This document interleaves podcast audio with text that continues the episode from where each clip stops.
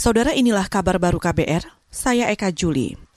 Pelabuhan Patimban, Jawa Barat ditargetkan mulai beroperasi pada November tahun ini dan diproyeksikan dapat menggenjot arus ekspor.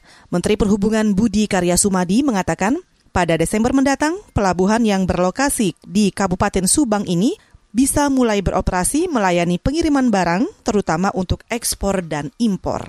Kita harapkan uh, ini akan kita mulai pada bulan Desember itu adalah kita ekspor untuk otomotif. Kita tahu bahwa di daerah uh, Bekasi dan Kerawang banyak sekali uh, industri otomotif yang ada di sana. Menteri Perhubungan Budi Karya Sumadi mengatakan Pelabuhan Patimban nantinya tidak akan menjadi rival atau pesaing bagi Pelabuhan Tanjung Priok, melainkan untuk saling mengisi. Industri yang berada di kawasan Bekasi dan Karawang bisa melalui Pelabuhan Patimban, sedangkan industri yang berada di Tangerang tetap melalui Pelabuhan Tanjung Priok. Pelabuhan Patimban bisa menampung 7,5 juta peti kemas berukuran 20 feet.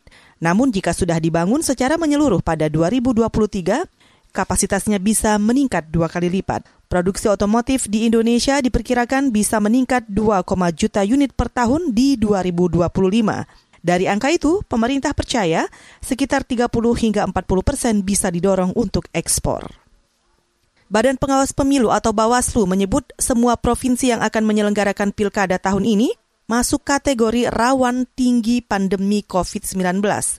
Hal ini terlihat dari Indeks Kerawanan Pemilu Pilkada 2020 yang dirilis Bawaslu.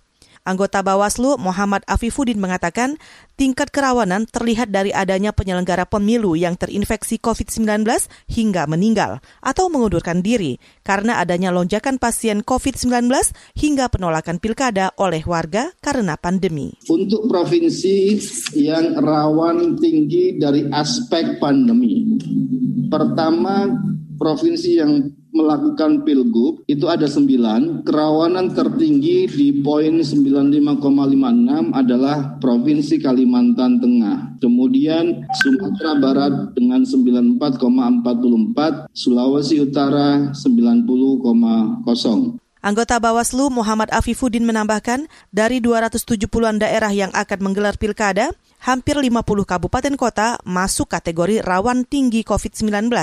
Sebanyak 120-an kabupaten kota masuk kategori sedang dan 80-an kabupaten kota kategori rendah.